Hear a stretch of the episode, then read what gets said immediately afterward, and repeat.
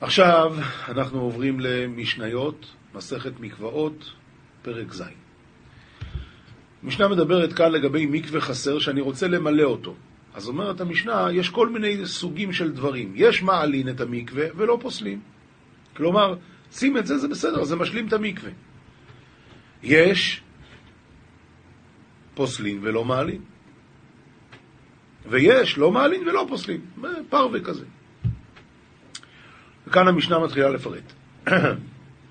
אילו מעלין ולא פוסלין, השלג והברד והכפור והגליד והמלח והטיט הנרוק.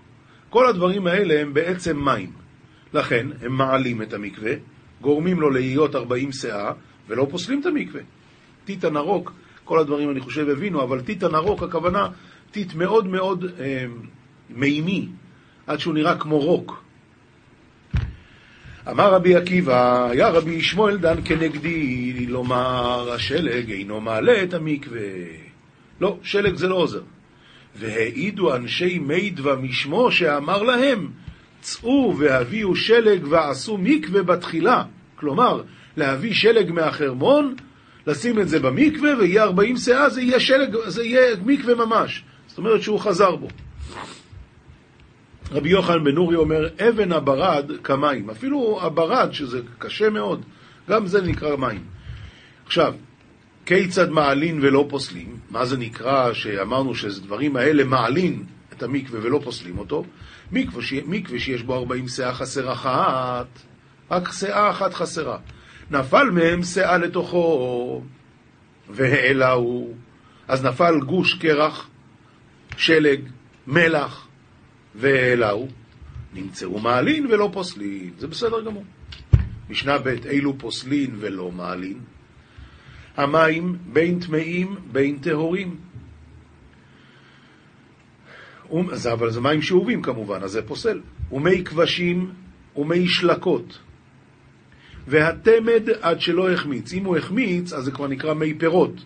אבל כל זמן שהוא לא החמיץ, אז הוא עדיין מים. אז כיצד פוסלין ולא מעלין? מקווה שיש בו ארבעים שאה חסר קור טוב אפילו, ונפל מהם קור טוב לתוכו, לא העלהו. זה לא פוסל את המקווה כי זה רק קור טוב, אבל זה גם לא גורם למקווה להיות שלם. פוסלו בשלושה לוגין. אם נפל שלושה לוגין מים לתוך המקווה שהיה חסר, זה כבר ממש פוסל.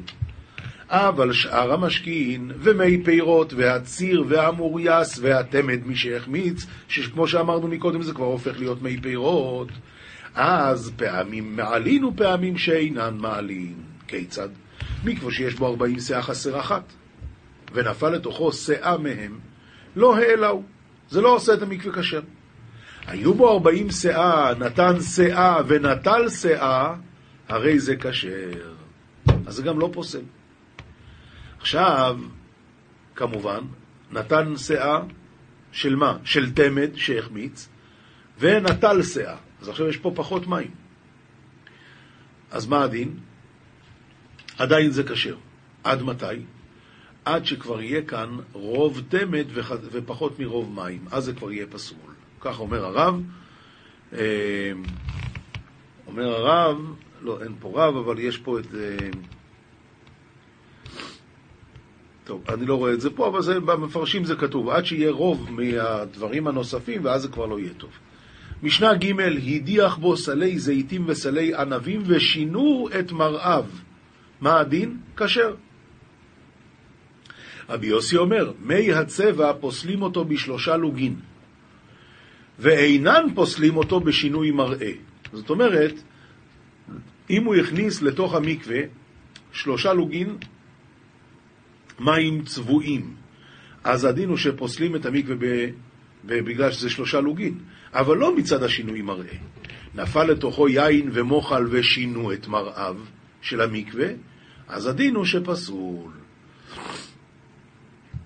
אומר הרב, אה, מוחל זה מים היוצאים מן הזיתים, והם שינו את המראה של המקווה, הדין הוא שפסול. כיצד יעשה? ימתין לו עד שירדו גשמים, ויחזרו מראיהן למראי המים. היו בו ארבעים שאה במקווה, ממלא בכתף, סליחה, היו בו ארבעים שאה במקווה, ממלא בכתף ונותן לתוכו עד שיחזרו מראיהן למראי המים. כלומר, אם המקווה הוא מקווה כשר, אז הרי אני יכול להכניס לתוכו כמה מים שאומרים שאני רוצה.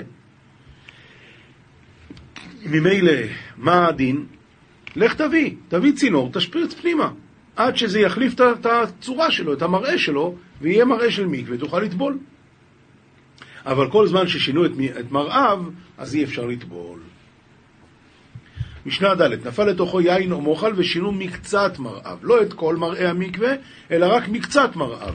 אז אם אין בו מראה מים ארבעים שאה, הרי זה לא יטבול.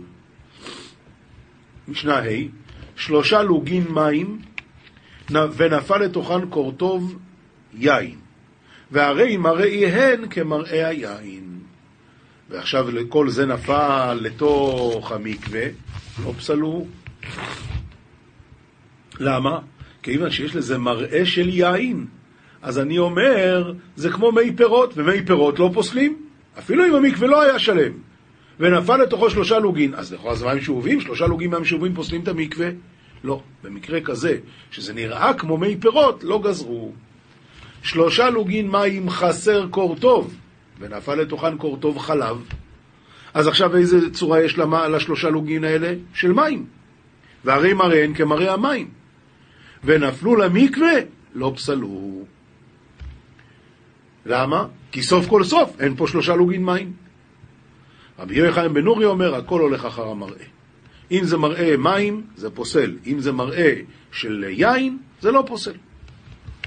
משנה ו', מקווה שיש בו ארבעים שאה מכוונות, ירדו שניים וטבלו זה אחר זה. אז יוצא ככה, הראשון שיצא החוצה, הרי הוציא על הגוף שלו מים. והיה לי מקודם פה בדיוק 40 שאה מכוונות. אז עכשיו שההוא יצא, כבר אין פה 40 שאה. לכן, הראשון טהור והשני טמא. אבל בא רבי יהודה ואומר, אם היו רגליו של ראשון נוגעות במים, אז עדיין יש חיבור בין הטובל הקודם למים, וכל המים שעליו עדיין מחוברים למקווה, אז אף השני טהור. הטביל בו את הסגוס והעלהו, הטביל בו את הסגוס. סגוס זה, זה כמו בגד של צמר שסוחב המון מים. רש"י, בגד צמר אב, וקוראים לו בערבי אלבורנוס, ובולע מים הרבה, אז הדין הוא שאם מקצתו נוגע במים, טהור, כי זה עדיין נחשב מחובר. הקר והכסת של אור, כיוון שהגביה שפתותיהם מן המים. נניח שזה הכלי שהוא טבל, אז יש לכלי הזה אני לא יודע אם אתם רואים, אבל אם אתם רואים, יש לכלי הזה שוליים. אז ברגע שהרמתי את זה, המים שבתוך הכלי נהיו שאובים. אם אני אשפוך את זה עכשיו חזרה, שפכתי מים שאובים לתוך המקווה. אז לכן, אומרת המשנה, הטביל בו הקר והכסת של אור, כיוון שהגביה שפתותיהן מן המים, המים שבתוכם שאובים. כיצד יעשה? מטבילן ומעלה אותם דרך שוליהם. מעלה אותם בצורה כזאת שהוא לא ינתק את המים, אלא המים יישפכו כשהם עדיין מחוברים למקווה. משנה ז' הטביל בו את המיטה, אף על פי שרגליה שוקעות בתית העבה, טהורה, מפני שהמים מקדמין. המים נכנסים לפני הרגליים של המיטה. מקווה שמימיו מרודדין, כובש אפילו חבילי עצים, אפילו חבילי קנים, כדי שיטפחו המים, ויורד וטובל. כלומר, יש כאן 40 שאה, אבל מאוד מאוד רדוד. אז מה הוא עושה? הוא כובש את המים וגורם להם להגיע למקום המרכזי כדי שזה יהיה יותר גבוה. אז הדין הוא שמותר לעשות את זה אפילו על ידי חבילי קנים וחבילי עצים. למה? כי תמיד נשאר עדיין מים בין העצים והקנים. אז אין לי כאן 40 שאה איפה שאני טובל. אבל כיוון שזה מחובר זה בסדר. מחט שהיא נתונה על מעלות המערה, המערה, היה מוליך ומביא במים. עושה ככה ככה במקווה עד ש... כיוון שעבר עליה הגל טהורה, הוא מפחד להכניס את זה פנימה, זה יאבד לו. אז הוא עושה ככה ככה עד שהמים עוברים, אז זה טהור. זהו, עד כאן המשניות. ועכשיו אנחנו עוברים לגמרא, מסכת נידה דף י"ג עמוד ב'. חירשת היא תבדוק לנפשה. חירשת, כשכתוב בגמרא, זה לא הכוונה שהיא לא שומעת, אלא שהיא לא מבינה. היא לא חכמה. זאת אומרת, בימים ההם, שלא היה אפשרות לחירש לקבל מידע מבחוץ. היום אנחנו, ברוך השם, הצליחו המדענים לפתור את הבעיה, יש כל מיני מכשירים שמצליחים ללמד חירש אפילו לדבר. אבל בימים ההם, חירש לא היה מקבל שום אינפורמציה מבחוץ, אז ממילא הוא נשאר שויטה. אז כשהיא צריכה לטהר את עצמה, היא תבדוק לנפשה. היא תבדוק את עצמה. דתניא אמר רבי, חירשת הייתה בשכונתנו, לא דיה שבודקת לעצמה, אלא שחברותיה רואות ומראות לה לשאול אותה אם זה בסדר או לא. כי היא הייתה בקיאה בדברים האלה. עונה הגמרא, נכון, שם אמנם היא עשתה את זה, אבל הטם מדברת ואינה שומעת. שם מדובר באישה שהיא הייתה בסדר, היא הייתה חכמה, וכל מה שקרה לה בסוף זה שהיא נהייתה חירשת. אז כמו שאמרנו מקודם, החירשת שהגמרא בדרך כלל מדברת, זה חירשת שאישו איתו, היא לא קיבלה שום מידע מבחוץ. כאן מדובר על אישה שהייתה והכל בסדר, רק נהייתה חירשת. אומרת הגמרא, הטם במדברת ואינה שומעת. האחה, בשאינה מדברת ואינה שומעת. כדתנן חירש שדיברו חכמים בכל מקום, אינו שומע ואינו מדבר. עכשיו אה, יש לנו פה זוהר, מיקץ, דף קצ"ז עמוד ב', אומר הזוהר דבר אחר, עלמא דעתי איקרי נועם, העולם הבא נקרא נועם. וכדאית עלמא דעתי כל חידו וכל טיבו וכל נהורין וכל חירו דעלמא יתאר. כשהעולם הבא מתעורר להעיר, אז כל השמחות וכל הטובות וכל האורות וכל החירות שיש בעולם מתעוררים. ובגין ייקח יתקרי נועם. לכן קוראים לזה נועם. ועל דת הנינן חייבין דיהון בגיהנום בשייטא דעל שבתא נייכין כולהו. הרשעים, כשמגיע העולם של שבת, אז כולם במנוחה. הגיהנום סגור בשבת. ויתלהו חירות ונייכה, יש להם חירות ומנוחה. בשייטא דנפיק שבתא איתלה ליתערא חידו אילאי אלנה דנשתי זיו מהאור עונשא דחייביה דהידנו מהאי שייטא ולהעלאה. בשעה שהשבת יוצאת, אז צריכים לעשות הרבה שמחה, לעורר את השמחה העליונה, כדי שננצל מאותו העונש של הרשעים הנידונים מאותה שעה בגיהנום. ואיתלן להתערא ולימה, ואנחנו צריכים להתעורר ולומר, והינו ים השם אלוקינו עלינו, דאו נועם עילה חידו דקולה. ועל דא דרכיה דרכי נועם וכל נתיבותיה שלום. שואל הזוהר, מה נתיבותיה? אתה אומר, כל נתיבותיה שלום, מה זה נתיבותיה? אילין אינון שבילין דנפקין מלעילה. זה השבילים שיוצאים מלמעלה, וכולו נקיטלון ברית יחידאי דאי הוא איקרי שלום שלמה דביתא. כולם לוקח אותם ברית יחידי שהוא נקרא שלום, שלום הבית, ואיילון לימה רבה מכניס אותם למידת מלכות שמכונה הים הגדול. כדאי הוא בתוקפי, וכדי יאיב שלמה דאו דכתיב בכל נתיבותיה שלום. ואז הקדוש ברוך הוא נותן לו שלום, וזה לכן נאמר בכל נתיבותיה שלום. אתם הבנתם לבד שהקטע האחרון היה סודות התורה, כך שזה לא, לא, אי אפשר להסביר את זה. אני לא יודע להסביר את זה. הלכה פסוקה, רמב"ם הלכות שבת פרק ג', תבשיל שלא בישל כל צורכו, וחמין שלא הוחמו כל צורכן, או תבשיל של בישל כל צורכו, וכל זמן שמצטמק הוא יפה לו. אין משהין אותו על גבי האש בשבת, אף על פי שהונח מבעוד יום. גזירה, שמא יחטא בגחלים כדי להשלים בישולו, או כדי לצמקו.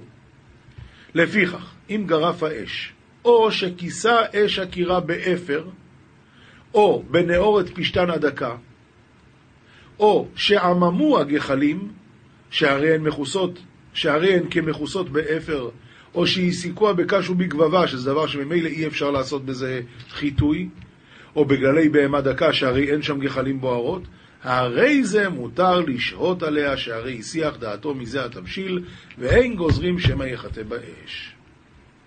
זה מה שנקרא גרוף וקטום. ממשיך הרמב"ם, במה דברים אמורים בכירה שהבלה מועט. אבל בתנור, אף על פי שגרף האש או כיסה באפר או שהסיקו בקש או בגבבה, אין משהין בתוכו ולא על גביו ולא סומכים לו תבשיל שלא בשל כל צורכו, או שבשל כל צורכו הוא מצטמק ויפה לו, הואיל והבלו חם ביותר אינו מסיח דעתו וחוששים שמא יחטא בזו האש המעוטה אף על פי שהוא אש קש וגבבה או מכוסה. זה ההלכה. מוסר, יש לנו מספר סדר היום, דף פט עמוד ב'. עיקר התשובה והתפילות והתחנונים, לשפוך שיחה לפני אדון האדונים, ובפרט אם הוא מוריד דמעות מעיניו, כי ודאי לא ישובו ריקם ותשובתו מתקבלת. אפילו יהיה רשע גמור והרבה אשמה, המקום ברוך הוא ברחמיו, חותר לו מחתרת לקבל תשובתו. ומסייעין אותו לטהר עצמו בשלימות ולא ישוב עוד לכסלה. כל זה, אם הוא בא ברצינות, מוריד דמעות, מבקש עזרה מהקדוש ברוך הוא. ואם אין בו כוח להתענות בכל יום, יתענה בדילוגים. ולא יאכל היום ההוא, כי אם לשובע נפשו לשם שמיים. וישקוד על לימודו בעבודתו ויחשב לו לצדקה. וכן, אם אינו יכול להתענות כלל, יעשה באופן שיוכל רק, באופן שיוכל, רק שלא יחלה. הוא יאכל, אבל רק בשביל לא, לא להיות חולה. ויחשב לו יותר מתענית, שמסגף עצמו במאכל ומשתה לעבודת אלוקיו ולענות נפשו על חטאותיו. וההשכמה והערבה בהם בבית הכנסת הוא עניין גדול. זאת אומרת, בזמן שהוא מתענה זה מאוד חשוב. ויקום בזריזות לשבח ולפאר ליוצר בראשית בזמירות ובקשות כאשר ראוי לעשות. ואם רואה עצמו מבולבל ומטורף מן השינה עד שאינו יכול לעמוד על רגליו מכובד גופו, אז ירחץ פניו ידיו ורגליו במים קרים כדי להסיר הכבדות מעליו. וינענע עצמו מפה ומפה, ולא יעמוד במקום אחד, כי הטיול וההילוך בזה עיקר גדול. ולא יסיח דעתו כלל בדבר אחר, חוץ מתפילות ותחינות או לימוד התורה והמצווה, ודבר נקל הוא למי שיעמוד עליו. כל זה בשביל לעשות תשובה על ידי הורדת דמעות ותעניות וכל הדברים האלה, וכמובן הטוב ביותר זה לא לחתום.